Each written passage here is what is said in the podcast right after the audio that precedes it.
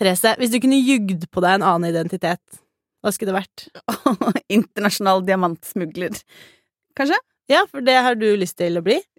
Ikke, jeg har ikke lyst til å bytte den karrieren jeg har nå med det, men hvis jeg sto på bar bakke, så ville det vært et naturlig sted å begynne. Et eh, naturlig sted å begynne å ljuge, i hvert fall. Ja. Ja.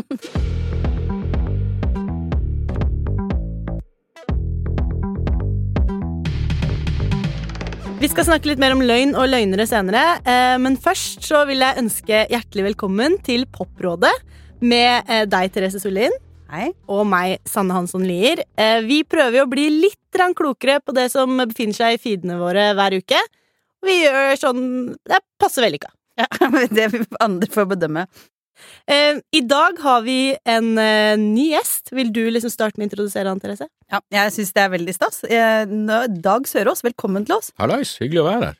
Har du det bra? Jeg har det Ja, absolutt. Mm. Eh, Jeg, jeg skulle ut og si jeg har det midt på treet, men jeg tror jeg gikk opp den bra. Jeg, jeg, jeg, gikk umiddelbart fra en sterk treer til en svak firer. Ja, ok. Mm. Men det er, hva er liksom jevnt? Hva er, liksom, hva er det du Ja, nei, jeg er nok en sånn firertype generelt sett. Ok. Eh, Nå var det bare det, Du har ikke noe bedre enn vanlig. Nei, nei, nei, nei. Jo da, det hender jo, men det kommer i drypp. okay. Kortvarige drypp. Du er relativt eh, nyankommet hjem fra New York, har jeg sett. Ja, det er vel det som gjør det, at jeg er litt sånn eh, Jeg, er- jeg er ekstremt dårlig til å takle lite søvn. Ja. Så det er rett og slett bare det som, eh, som eh, resulterer i et middels terningkast. Har du hatt det bra i New York? Jeg hadde helt topp, altså. Eh, fått sett meg. Jeg var litt spent på om hvor annerledes det var etter pandemien. Jeg hørte rykter om at det ble blitt eh, skumlere der, og eneste forskjellen var at det var mer nedlagte butikker og eh, kontinuerlig cannabislukt overalt, fordi det er jo blitt ikke avkriminalisert, men eh, det, det, det virker som det er en sånn eh, juridisk limbo, at cannabis er verken lovlig eller ulovlig, som betyr at politiet ikke bryr seg, som betyr at alle røyker konstant overalt. Det er spennende. Ja da, det var bare hyggelig, det. I mitt hode er du nemlig eh, veldig mye i New York. Fordi forrige gang jeg var i New York, så satt jeg foran deg på flyet. Seriøst? Ja. Hva det er et slags absurd fun fact? det husker jeg fordi jeg tok en selfie. Oh, ja. Så, og sendte til mine venner. ja, okay. Så det er litt kleint nå, men da har vi fått eh, den katta ut av sekken. Hyggelig å se deg igjen. Det var veldig gøy for meg å se at du nå var i New York. Da var det vanskelig å ikke snakke om det, Fordi jeg tenker sånn, da, da måtte vel kanskje fram, men da, det var hyggelig å se deg igjen også. Og hyggelig å se at du har vært i New York igjen. Var det bedre enn i 2017, eller? Eh, ja, det var litt annerledes. Ja. I 2017 var jeg der med familien, mens nå var det en såkalt jobbtur, Ja. som egentlig bare betyr at man drikker på managementets regning. Ja. Så, eh, Men du så eh, Du var på noe standup-scener og sånn? ja, jeg var på, eh, blant annet på Comedy Cellar, og det som er interessant der, det, det er jo ikke noe nytt fenomen det der at du legger mobiltelefonen i, eh, i en sånn, i en konvolutt. Um, men denne gangen la jeg merke til hvor sykt mye bedre det gjorde publikum. Um, egentlig mest i tida før showet starta. Fordi det, det, å, det å bare sitte der, du blir liksom tvunget til å forholde deg til folk rundt deg på, på en helt annen måte. Og jeg var jo bare der med eh, en, en venn, eh, så vi måtte jo prate uansett. Men, eh, men jeg så liksom bord med sånn sju-åtte stykker hvor alle var si, engasjert i samtale uten at noen satt på den jævla mobilen. Og det er jo en, en klisjé å påpeke, men ikke bare gjorde den noe med for jeg, jeg tror grunnen til at de gjør det, er selvfølgelig å beskytte komikere, så ingen skal sitte og filme og legge ut halvferdige vitser. Men det, det, gjorde at publikum ble ekstremt fokusert, og så trenger det ikke å være så vanskelig, fordi noen ganger hvis du er på et større show, så er det jo en sånn eh, du legger telefonen i en, en pose som du må ha hjelp til å åpne. Her var det bare en vanlig konvolutt, så det var et slags æresystem. Det vil bare være flaut å åpne den konvolutten og ta ut telefonen. Så um, å gjøre det på en så enkel måte, det Jeg tror ikke det er så dumt. Nei. I hvert fall som en sånn tvungen eh, avvenning av, eh, av den her evinnelige skjermen, eh, i en situasjon hvor du egentlig ikke trenger det. Så ender du opp med å ikke få tatt et bilde mens du er der, men det kan vi vel alle leve med. Ja. Mm. Det får gå. Det er et utrolig kult konsept, egentlig. Burde kanskje prøve det hjemme òg. Altså, jeg syns Åh, jeg kan- kan godt eh, komme med et lite skriftemål her. Jeg er blitt så mobilidiot. Sitter på den hele tiden, helt uten mål og mening. Mm. Det er jo kanskje rett og slett en konvolutt, det er det jeg trenger, altså. Ja, det er bare et eller annet med Hvis du bare legger den i noe som du faktisk lukker, så Mm. blir det, det hakket for stor innsats å åpne det. Eh, så, uten at du eh, blir veldig selvbevisst. Så det skal ikke så mye til. Kul idé. Så en oppfordring om å legge bort mobilen, egentlig. Ta, ta seg noen sånne Så mind, mindful kontroversielle vi. moments. Ja.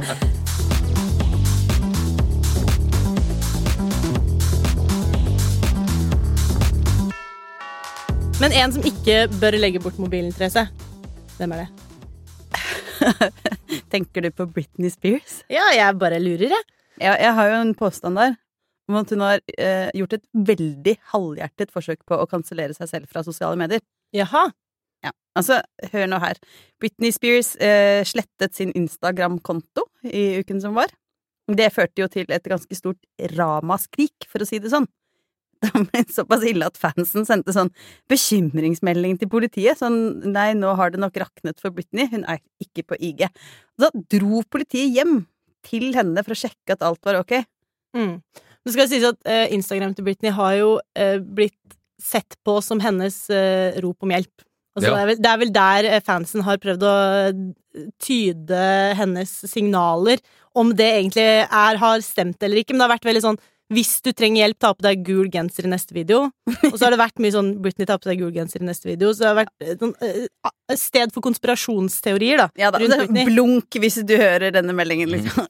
Men altså, uansett, hun Det jeg syns er litt sånn um, Der hvor det skorter litt i logikken, da, hvis det er lov å være litt kritisk. For at hun har kansellert seg selv? Er det det? ja, eller for at hun valgte å slette Instagram-kontoen sin, var at hun sa 'jeg er sensitiv, jeg ble så lei meg av de stygge meldingene på IG'. Derfor slettet jeg kontoen min. Og hvor er det hun kunne gjøre dette? Jo, på Twitter. Det er så, Ja. Jeg vet ikke.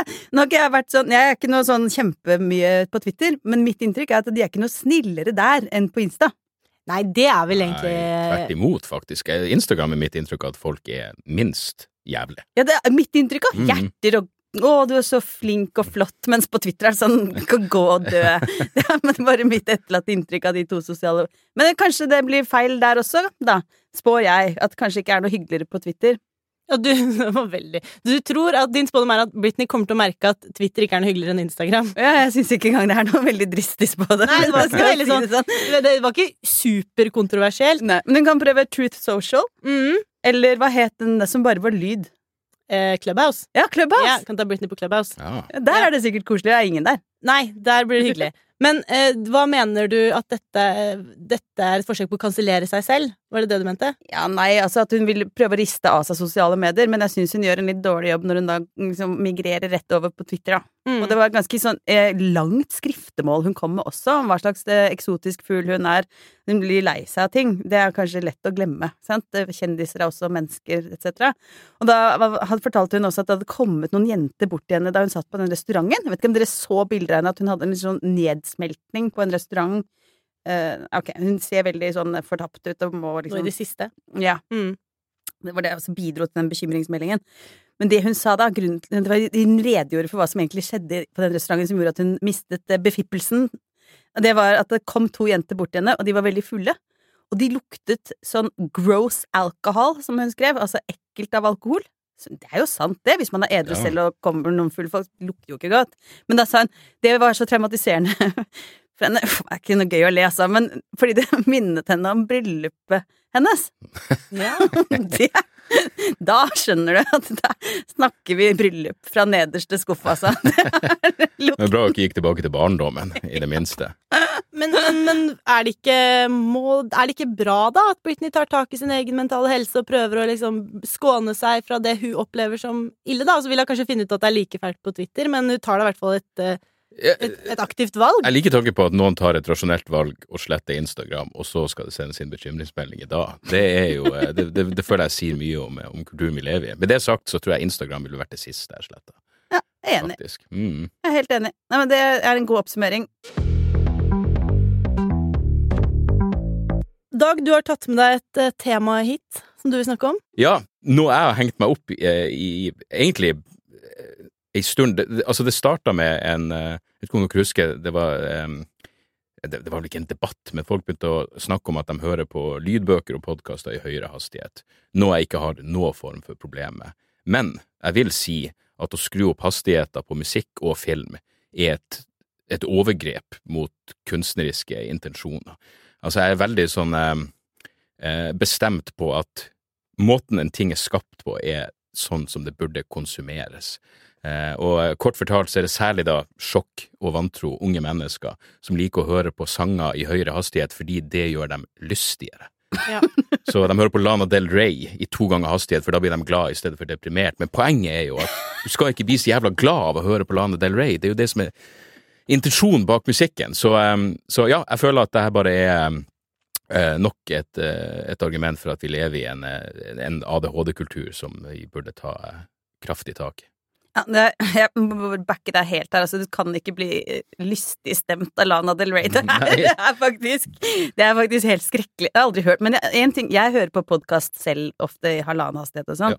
Fordi ellers så Det er veldig mye av disse populære podkastene som er altfor lange, hvis det er lov å si. Mm. Og da, hvis ikke jeg setter den speederen opp, da, så kommer jeg meg jo ikke gjennom den. Eh, Så langt er jo ikke døgnet. Men musikk, det burde ikke falt meg inn. Det er det sykeste jeg har For vil ikke snakke om film. Ja. men Netflix har en, en knapp hvor du kan spille av serier og filmer raskere. Er det sant? Og der var jeg enig, jeg tror det var Judd Apatow som sa ikke fuck med timinga vår. Fordi ting er lagd på en bestemt måte fordi det skal inntas i den hastigheten. Og så må jeg bare si, jeg har ingen problemer med at podkast og lydbøker spilles i høyere hastighet, for det handler det jo om å ta inn over seg hva enn du hører på. Hvis du klarer det, så er det jo ikke noe problem. Men det, det er en forskjell på det og en TV-serie. Ja, det vil jeg i høyeste grad si. Nå skal det sies at jeg, jeg har gjort meg skyldig i dette filmgreiene før. Minnes jeg nå? Jeg hadde lungebetennelse en gang i 1993, og da hadde vi VHS-spiller ah. og én film. Det var Englagård. Det var den eneste filmen vi hadde på video. Uh, og jeg, siden jeg hadde lungebetennelse og var hjemme i tre uker og hadde én film og det var én kanal på TV, så så jeg Englagård hver dag. Flere ganger om dagen. Og da til slutt også en gang baklengs. Fordi Ja. det bare ved en ren inkurie, når jeg kom til slutten av filmen, så så jeg at det gikk an å spille den av i vanlig hastighet baklengs. Og det ble jeg så fascinert av at jeg så hele. Men kan det ikke være ærlig, er det ikke noen filmer som kanskje kan gjøre seg litt bedre i dobbel hastighet, da? Ja ja, pornofilmer. Eh, det, det, det er ting som Og hvis du har sett Det det var ikke nødvendigvis det jeg tenkte på, men Nei, men der, kan- der er det lov å spole og alt det der. Jo, for all del, det, det, er godt mulig, det. Men poenget mitt er hvis det er noe du har lyst til å forholde deg til sånn som det var ment at du skulle ta det inn, så, så se det nå i normal hastighet. Og hvis du har så dårlig tid, se mindre ting. Men jeg tror det her også, spesielt det med sanger, tenker jeg eh, er en litt sånn TikTok-skade. Absolutt. Som uh, unge mennesker, uh, for å dra det alle over en kam, kanskje har. For det er jo litt sånn det er jo et eget virkemiddel på TikTok også, at man bare speeder opp sanger. eh, de Hvilken blir sang er det der som de Da jeg var så så gammel, og så spiller de en eller annen sang? Teenage Dirtbag. Ja, det er det. Det er for eksempel. Men de, de ødelegger jo alle sanger. Ja. Fine sanger, stygge sanger. Det ble ødelagt uh, uansett. Eh, og gjerne i dobbel hastighet og kjøre på, liksom. Det skal sies artister er nå sjøl begynt å slippe låter i høyere hastighet. Og så så jeg også et band som jeg liker, et rockeband fra Sverige som heter Ghost. De, der var det noen som hadde skrudd hastigheten ned på halv hastighet. Og da, men ja, gjør det hvis du føler for det, men så slipper bandet låten offisielt i den hastigheten. Og det er sånn, Nå har Jeg lyst til å prøve å spille Mayhem på sånn. Ja, ja. det kommer til å bli allemannseie. Men er det ikke litt svaret på det problemet som eh, jeg i hvert fall føler mye på, som er at jeg har ikke tid til å konsumere alt jeg vil konsumere? Så det hjelper meg jo litt, da. Jeg er ikke fremmed for å ikke nødvendigvis sette på dobbel hastighet, men jeg har spurt meg gjennom noen eh, kjedelige scener i episoder. Jeg har jo dårligere Liksom, jeg har jo ikke tålmodighet til så veldig mye dårlig timing. og om det er Jeg, jeg skjønner jo selv, det er jo en skade jeg jobber med, så jeg veit ikke om jeg syns det er noe bra at uh, musikkbransjen og, og seriebransjen skal hjelpe meg med det. Det liker jeg ikke nødvendigvis. Men Tenk å se White Lotus i dobbeltfart, da. Det er jo ikke noe gøy, det. jeg tenker å høre den introen i dobbeltfart. Det, det blir for meget. Ja, det blir for mye. Ja, men eh, da landa vi noe der, eller? Fordi vi er litt sånn, vi er litt delt. I hvert fall hvis det er noe du er interessert i, noe du oppriktig bryr deg om, en film du har lyst til å se, plater du har lyst til å høre, hør den nå. I hvert fall én gang, sånn som det var meninga at du skulle høre den. Og med meninga mener jeg bare sånn som de som lagde det her, tenkte at det skulle være. Eh, det er akkurat så alt skal være Ja, pluss at må vi bli så jævla lystige i alt?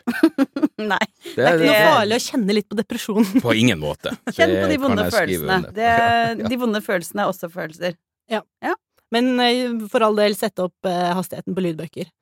Ja, Og podkast. Ikke denne, da. Nei, det tror jeg ikke. Jeg, jeg gjorde det ved en feiltagelse. Hørte på denne podkasten på halvannen hastighet i forrige uke. Det kan jeg ikke anbefale. Vi snakker allerede altfor fort sammen, men vi må slutte med det. Av hensyn til de som spiller deg i halvannen. Ja, det er notert.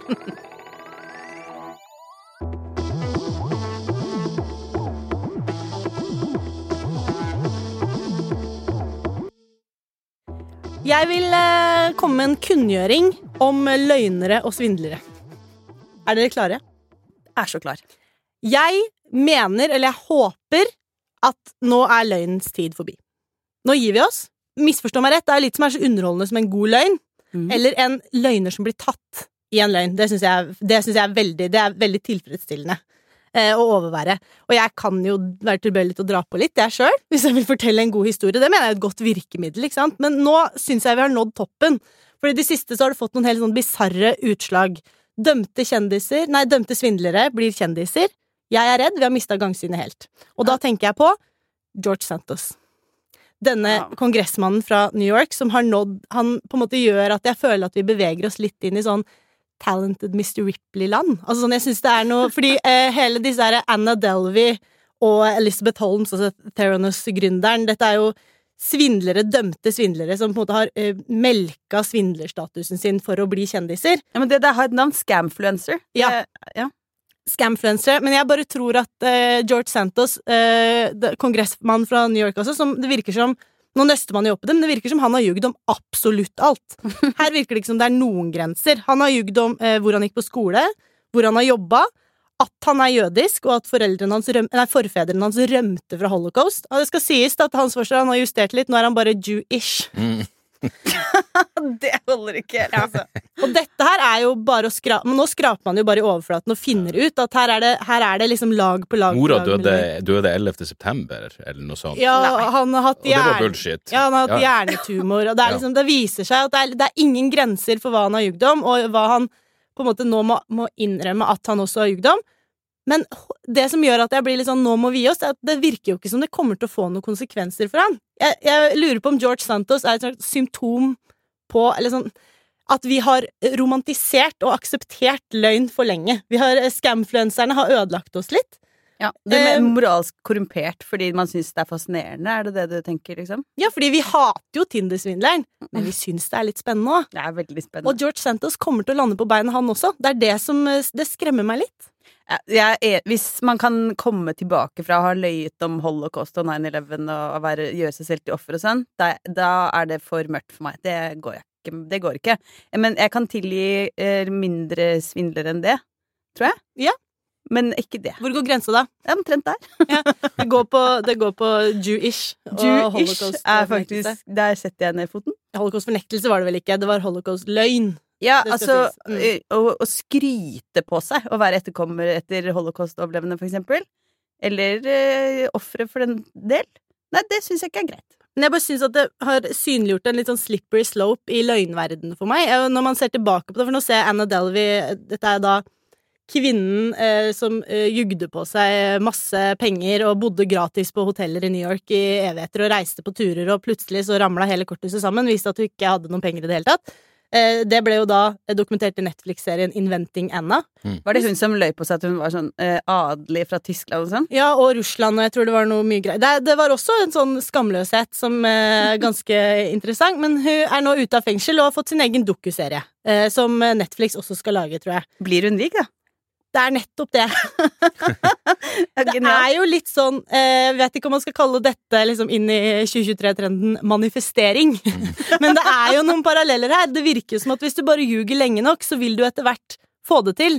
Eh, nå ser det kanskje ut som at det ikke vil skje for Elizabeth Holmes, eh, som da mente at du hadde funnet opp eh, Nærmest liksom skulle kurere alle verdens sykdommer med en liten bloddråpe i Theranos-industrien. Også fikk sin egen TV-serie, også fikk sin egen eh, eh, bok. Det virker som det er noe Det må jo være en, eh, en dokumentar på trappene der også.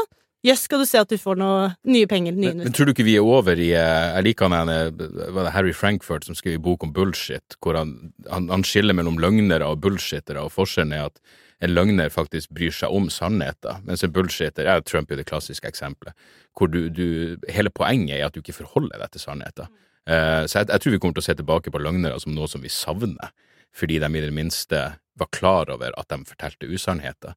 Og så er vi i ferd med å bevege oss over i en sånn eh, tilstand hvor hva enn som er sant, er irrelevant. Mm. Eh, Så, eh, pluss at hvis du bare baller på, sånn som sånn, Santos-fyren, så til slutt så blir det sånn Ja, det er vanskelig å forholde Du glemmer av. Når det hele tida dukker opp noe nytt, så til slutt så gir du bare opp. Og så, ja, hvis man Det det er som hvis du noen gang kjenner noen som er lystløgner. Til slutt så gidder du ikke å forholde deg. Du gidder ikke å påpeke at det de sier er tøv.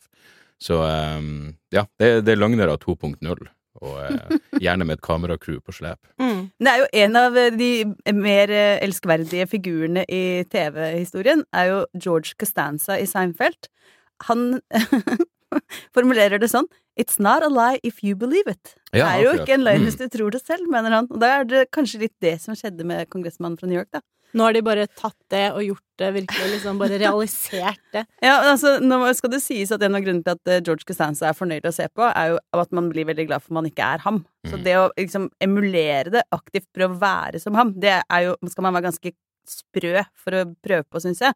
Og det å være mytoman, altså lystløgner sånn patologisk, det er jo er ikke det en slags Det er jo en lidelse. Det er jo ikke noe som man gjør for gøy. Er det, er ikke det litt som å Det er synd i dem.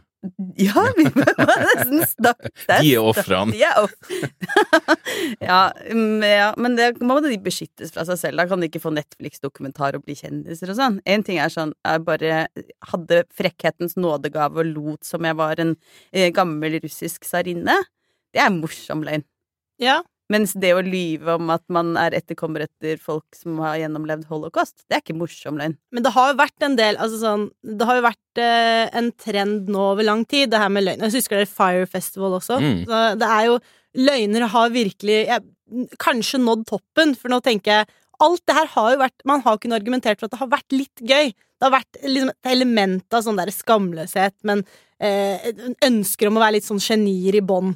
Mens med George Santos så, så virker det kanskje mørkere på et vis for meg.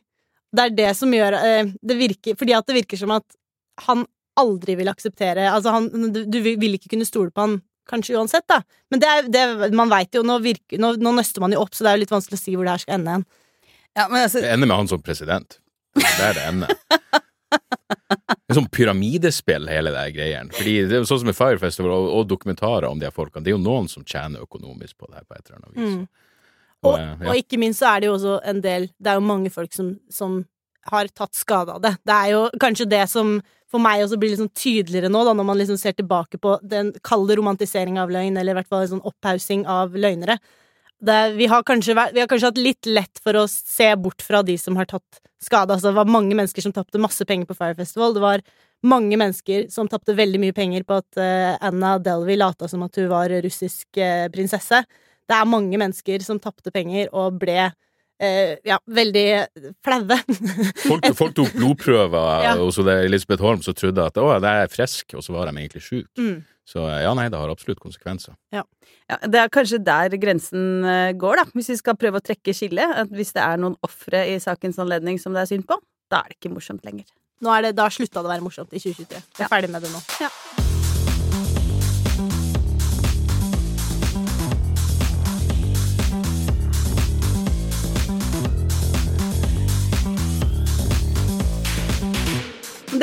bringer meg faktisk over til min anbefaling denne uken. Fortell. Det, jeg har sett en flott dokumentar på Netflix Mm. om Bernie Madoff. Ja. Skal du slå beina under hele argumentasjonsrekka nå? Nei, men det, jo, jeg kjente det tok litt luven, av, luven fra eh, det jeg egentlig syns var morsomt, når du får meg, da, eh, moralsk som du er, til å reflektere over hva jeg har sittet og flirt litt av. Så han, det er jo tidenes pyramidespill han eh, gjennomfører, ikke sant? Helt fascinerende å få folk til bare Bare gi, send meg pengene dine, så skal jeg liksom investere dem på Wall Street. Jeg skal ikke det, jeg skal bare late som, så skal jeg liksom flytte disse pengene rundt mellom folk som beriker meg, og så kan vi berike hverandre. Men det, det han gjør, er at han står jo på skuldrene til ganske mange sånne småsparere, tar pensjonene fra ganske mange vanlige folk, og det, det er ikke så morsomt. Jeg, jeg tenner ikke lys for at en eller annen styrtrik investor kaster fem milliarder dollar på ham, som han egentlig kanskje ikke bare eh, når, du, når, du, når du forveksler kontonummeret ditt med saldoen, da er det ikke så synd på deg? Men alle disse, alle disse småsparere med blått hår nede i Florida der, som han har lurt på sin country club til å gi hele pensjons...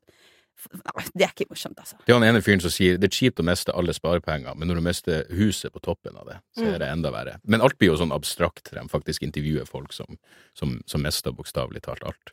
Ja. Så Fascinerende monster. Jeg husker når han, da han daua, så la jeg ut, bare for å se om noen visste hvem han var, en sånn RIP til en legende, og så bilde av han. Men det var, det var tydeligvis ikke noen Men det var før dokumentaren kom, da. Apropos romantisering. det Ja, ja, ja, nettopp. Jeg er like skyldig i er det en som del av alle andre. problemet, da Det er artig. Det er, Men det, dette er en serie Det er en serie. Ja. Den heter vel bare Made Off, hvis jeg ikke husker feil. og går på Netflix. Ja, nettopp.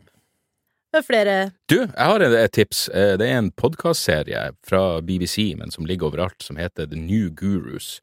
eh, en journalist som heter Helen Lewis, som også skriver for The Atlantic, som rett og slett ser på forskjellige former for eh, altså internettguruer, i forstand at guruer som har oppstått eh, fordi vi lever i en digital verden, og det er alt fra sånne Jordan Peterson, Intellectual Dark Web, til sånne wellness-guruer som mener at du må drikke ditt eget piss, til bitcoin, til um, ja, det mørkeste er vel igjen eh, såkalte sjarmørene, folk som eh, Altså menn som, som prøver å eh, overbevise incels om hvordan de skal Mm. få seg et ligg. Eh, folk som profitterer på at endetida hele tida er nær. Men det, det er vel åtte eller ni episoder, og eh, jeg føler at den er veldig sånn eh, dagsaktuell og også bra. Jeg, jeg som har en tenåringssønn som liksom er på nettet hele tida og følger med på ting. Det er akkurat så Jeg kan huske at han kom med Andrew Tate før jeg visste hvem det var. Eh, så hvis du har lyst til å henge litt med på hva folk lar seg forføre av, Mm. av eh, egentlig ganske tomme og Altså, fellesnevneren er jo at det de, det de kommer med, er svada i de aller fleste tilfeller. Men de er ekstremt, ekstremt populære, og det er veldig profitabelt. Eh, så eh, The New Gurus vil jeg anbefale til de aller fleste. Hva skal til for å være en guru her, da? Altså sånn, hva er Nei, det er jo at du har en eller annen form for eh, Jeg vet ikke om hun kommer med en klar eh, definisjon, men du må selvfølgelig ha en eller annen form for eksklusiv kunnskap som, Mm. ikke, som ikke andre vet om, og det er egentlig du er den eneste som kan dele den. Og det er ikke bare sånn at du kan eh, jeg mener, det, det er jo en forskjell på noen som vil at du skal drikke din egen urin for å bli frisk, og Jordan Peterson, men samtidig så er det Jeg tror det intellektuelle innholdet er ganske likt. Eh, så eh, det er vel folk som bare eh, lager seg en eh, ganske sånn rabiat følgerskare, Mm. som, som, som, eh, som stoler på det de sier uten noen form for kritisk refleksjon, og som i tillegg da alle som kritiserer dem, blir en, en hater eller noen som bare prøver å ødelegge for dem. De forholder seg aldri saklig til saklig kritikk. Jeg syns egentlig gurubegrepet i internettkulturen egentlig er ganske interessant, da, for Mm. det går, som du er inne på, det spinner i alle retninger. Det er sminkeguruer. Ja, ja. Altså, sånn, det er en sånn utvanning av gurubegrepet også, som jeg føler har gjort at vi sitter igjen med veldig sånn rar definisjon på guru, og guru i seg sjøl kan egentlig være litt sånn Det kan jo ha noen sånn skumle assosiasjoner. Liksom følgere, Det er og ja. Det skal jo være nøytralt, men jeg tror for de fleste er det et negativt lada ord. Mm. Ja, men eh, spennende. Mm. Spennende anbefaling. Ja, det vil jeg høre på. Mm. Jeg elsker uh, sånne merchants of drivel. Sånne Ja. folk som selger tull og tøys. Og lykkes! Ja. Det er jo en slags løgn, det òg, hvis vi først skal holde den røde Absolutt. tråden uh, Mm. ved like her. Og så er hver episode en halvtime. Ah, perfekt. Det er perfekt. Høre hører på i vanlig hastighet. Ja, absolutt. Dobbel hastighet, ferdig på et kvarter. Mm. Ikke noe problem. Da har du masse Da kan du bare se alt i en smell. Jeg hørte den på 1,3, det skal jeg innrømme. Så det funker. Ja, ikke sant. Jeg vil, eh, jeg vil også komme med en eh, liten anbefaling. Ja. Jeg vil bevege meg til Norge, da. Tar den, tar den for Tar laget. den med hjem. med en norsk anbefaling. Vi er jo Vi har kanskje fått vi, er, vi er kanskje litt USA-orientert i denne postkassen generelt, og det var jo ikke Nei, podkasten heter det. I postkassen. Eh, og det blei jo kanskje ikke noe bedre at du kom kommer fra New York. Vi vil tøffe oss litt, ikke sant? Vi vil Ja, ja. vise at vi er med. Er internasjonal. notene. Ja, ikke sant? Du er jo liksom eh, Jeg snakka engelsk når, når flyvertinna kom på tilbaketuren. Jeg hørte at alle var norsk. Jeg snakka engelsk. Ja, ja, ja, ja. ja. Det er kult. Det er kulere, vet du. Flotte seg litt. Ja, ja, ja, absolutt. Støtt, jeg. Jeg snakker dansk når jeg går på langrenn, så ikke skal være så flaut når jeg faller, som jeg gjør hele tiden. Oi. Min anbefaling er i hvert fall norsk, og jeg har nå sett Jeg vet ikke hvor mange episoder det kommer, men jeg, jeg koser meg like mye hver gang av den absurde eh, hybriden mellom forbrukerjournalistikk og humor som heter Erlend og Steinar hjelper deg på Discovery Pluss. Det er eh, merkelige saker, må jeg bare si. Hva er det sånn life hacks? Det er ikke life hacks. Det er, eh, det er eh, jo først og fremst humor, dernest forbrukerjournalistikk, vil jeg si. Hvor de går eh, nå, Episoden som kom ut i går, så var det altså Tesla Hunger Strike. Hvor de prøvde å Det er en gjeng med Jeg vet ikke, jeg skal ikke spoile for mye, da. Men norske Tesla-eiere eh, sultestreika i 24 timer for å gjøre Elon Musk bevisst på problemene med bilene. Det var bobler i eh, bilsetet, og det var eh, regnvann i dørene og sånn. Og jeg, det jeg liker best med tror jeg liksom at de går så veldig Jeg liker folk som går all in i ting. Altså at dette her har, Dette her har ikke tatt eh, to uker å lage. Her har det liksom stått i problemet over lengre tid. Og så er det jo bare en absurditet som eh, er veldig sjarmerende, må jeg si. Det, kan, eh, det, vil jeg, det vil jeg anbefale. Men eh, Men er, har dette skjedd i virkeligheten? At Tesla-eiere har sultestreik? Eller jeg jeg, jeg, jeg syns ikke vi skal bruke begrepet sultestreike om noe som foregår i 24 timer. Sånn intermittent fasting-streik. ja, det er intermittent En fasting. dårlig En dag. Dårlig dag. Ja. Det, har, det skjedde i virkeligheten, og de eh, fikk konfrontert Elon Musk med det i virkeligheten. Mer vil jeg ikke si. Men det er, det er en del andre morsomme episoder om eh, eh, ananas på pizza. Altså, de spriker i alle retninger, da. Det, Det er, det er godt. Ananas Ja. er godt, pizza er godt. An det var ananas på hamburger. Unnskyld, jeg beklager. Jeg sa, det var fake news fra meg.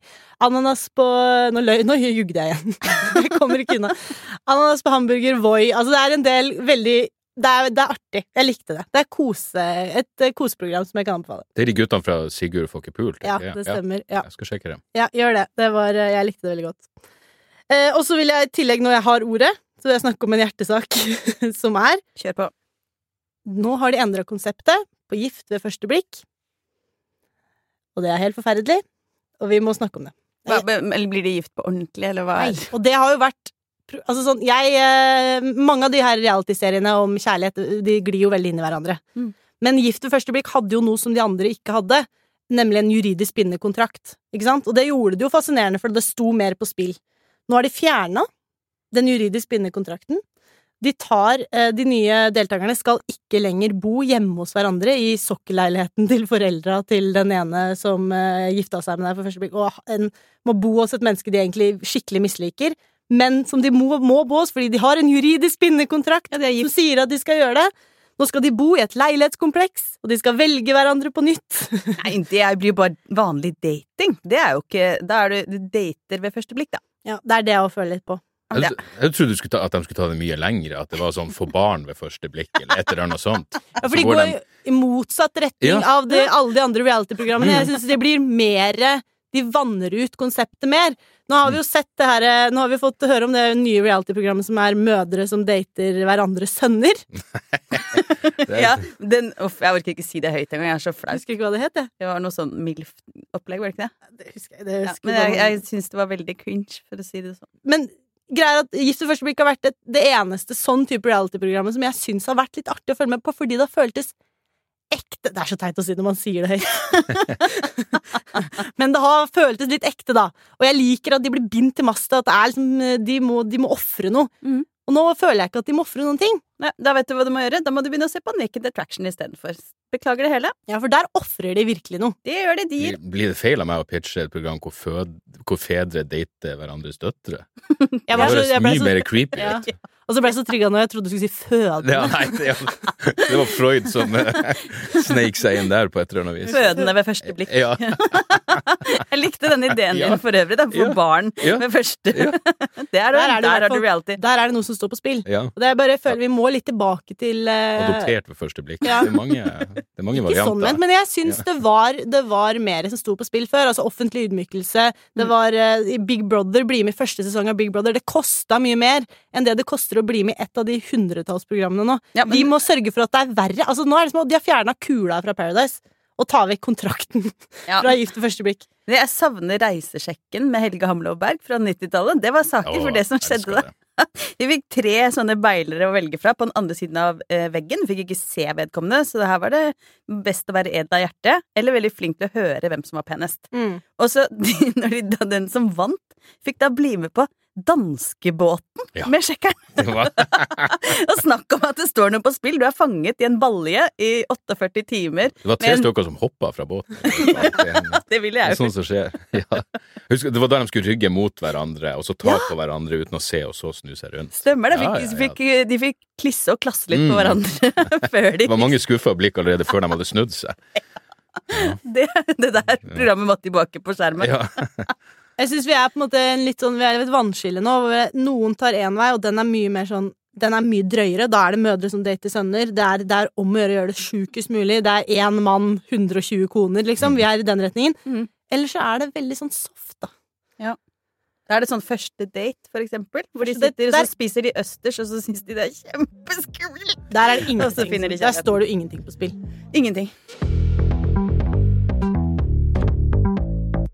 Det her um, leder meg på ingen måte over på neste tema. som er jeg, vil si at, jeg, kan, jeg kan prøve å si at det er en, en spådom jeg har, var jo det da at man Nei, jeg driter i det, jeg prøver ikke engang. Vi har i hvert fall et, eh, en, eh, en slags spall... Eller hva skal vi kalle det? En slags eh, En fast post? en, en, en, en fast post nå på starten av året, i hvert fall. Ja. Som handler om at vi vil komme med noen spådommer eh, på eh, starten av 2023, for å se, når vi kommer liksom mot slutten av 2023, om det er Om vi er sanndrømte, holdt jeg på å si. Ja, se om vi er guruer. Rett og slett. Og det er veldig fint mulig at vi er guruer, altså. Det skal vi ikke se bort fra. Vi har hatt noen gode spådommer hittil. Eh, Therese, hva var det du spådde igjen? At Torbjørn Røe Isaksen kom til å med, lage seg en eh, TikTok-konto i løpet av året. Det er fryktelig lavthengende frukt. Jeg vet jeg hoppet over gjerdet der hvor det var aller lavest, sånn Ja. som jeg alltid gjør.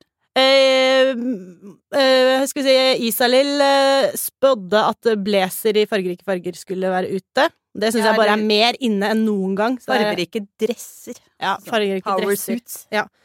Men Dag, vil du kaste deg på med en spådom? Ja, Var det ikke forrige uke at det var spådd at eh, det var for mange strømmetjenester, så eh, ulovlige nedlastninger kom til å eh, bli mer og mer populært? Eh, Det var Javad. Javad. det var Javad sine, ja. For jeg skulle Mm. egentlig spå at det kom til å bli mer og mer slutt på podkaster på eksklusive plattformer bak en betalingsmur, Ja. ironisk nok.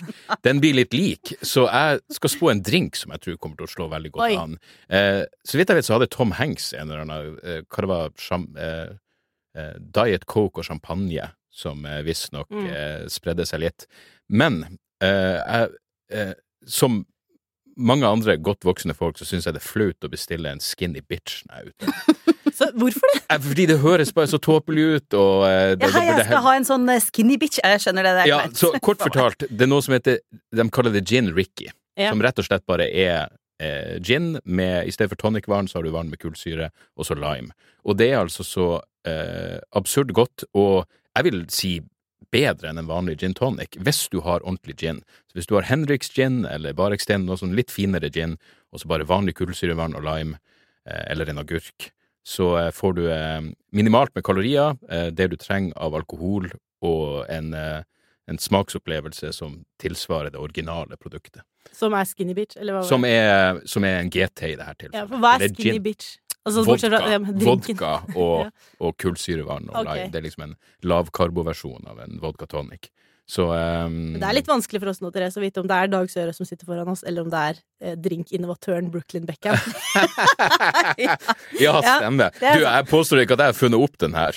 Eh, og jeg har også funnet ut at ingen vet hva en gin Ricky er, så det er, bare, det er mye lettere å bare si eh, gin med Ja. Farris. Farris. Gin med Farris, nettopp. Brooklyn Beckham fant jo da altså opp, som vi husker, drinken gin med tonic og agurk. Og en liten agurkskive på toppen. Og jeg tror kanskje det var noe rosmarin. Ja, Eller om det var noe ja, sånn ja. Han claima i hvert fall at han, dette var hans eh, innovative drink, for han, la, han er så innovativ om dagen. Altså, han er jo en sjef. Ja. Ja, men Også så- på drinkfronten. da. Så dette er liksom uh, Vanskelig å toppe når du først har oppfunnet hjulet, så kommer du med Så dette er 2023s drink, da. Det Ja, er din spådom. ikke se bort ifra det. Men er det drinkens år, da? Ja, det vil jeg, for Hvis du spør meg personlig, Ja. så er det jo det eh, stort sett hvert år. Men eh, jeg, bare føler at alle de ene lavkarboalternativene begynner å bli så mange at det her er noe som er ganske undervurdert. Nei, for jeg bare tenker på Fjoråret hadde vi jo Negroni Spagliato. With Prosecco. Ja, nettopp. Oh, Ja, det var jo også en viral drink. At vi har, det er litt sånn, man er kanskje litt på ute etter eh, Kanskje drinker er det nye mikrobrygget. Det hadde jo ikke Det hadde ikke vært noe dumt. Det er, eh, hvis det er tilfellet, så er jeg for det. Det blir i hvert fall ikke mindre virkelighetsflukt, tror jeg. i 2023. Jeg vil ha færre IPA-er. Ja. Jeg tror faktisk at det var det. Skal vi gå og ta en sånn drink, da? Jeg tar en IPA, jeg, da. Nei, jeg skal ikke det, altså. Men da um, tror jeg Jeg tror i hvert fall det høres ut som 2023 blir et flott år. Mindre løgn, mer sprit. Mindre fargerike dresser, mer duett fra Greta Thunberg. Må alltid ødelegge. Ja, dette er i hvert fall vårt år, og så får vi se hvordan det blir. Jeg vil bare minne om at eh, hvis dere lyttere har noen eh, påstander eller andre ting dere vil at vi skal eh, diskutere, så kan dere sende det til pop at aftenposten.no. I studio satt eh, Dag Sørås, Therese Sollien og jeg heter Sanne Hansson Lier. Våre produsenter er Hanna Nordlien Berg og Ulla Kristine Rafaelsen. Vår reportasjeleder er Caroline Fossland. Redaktør Cecilie Asker.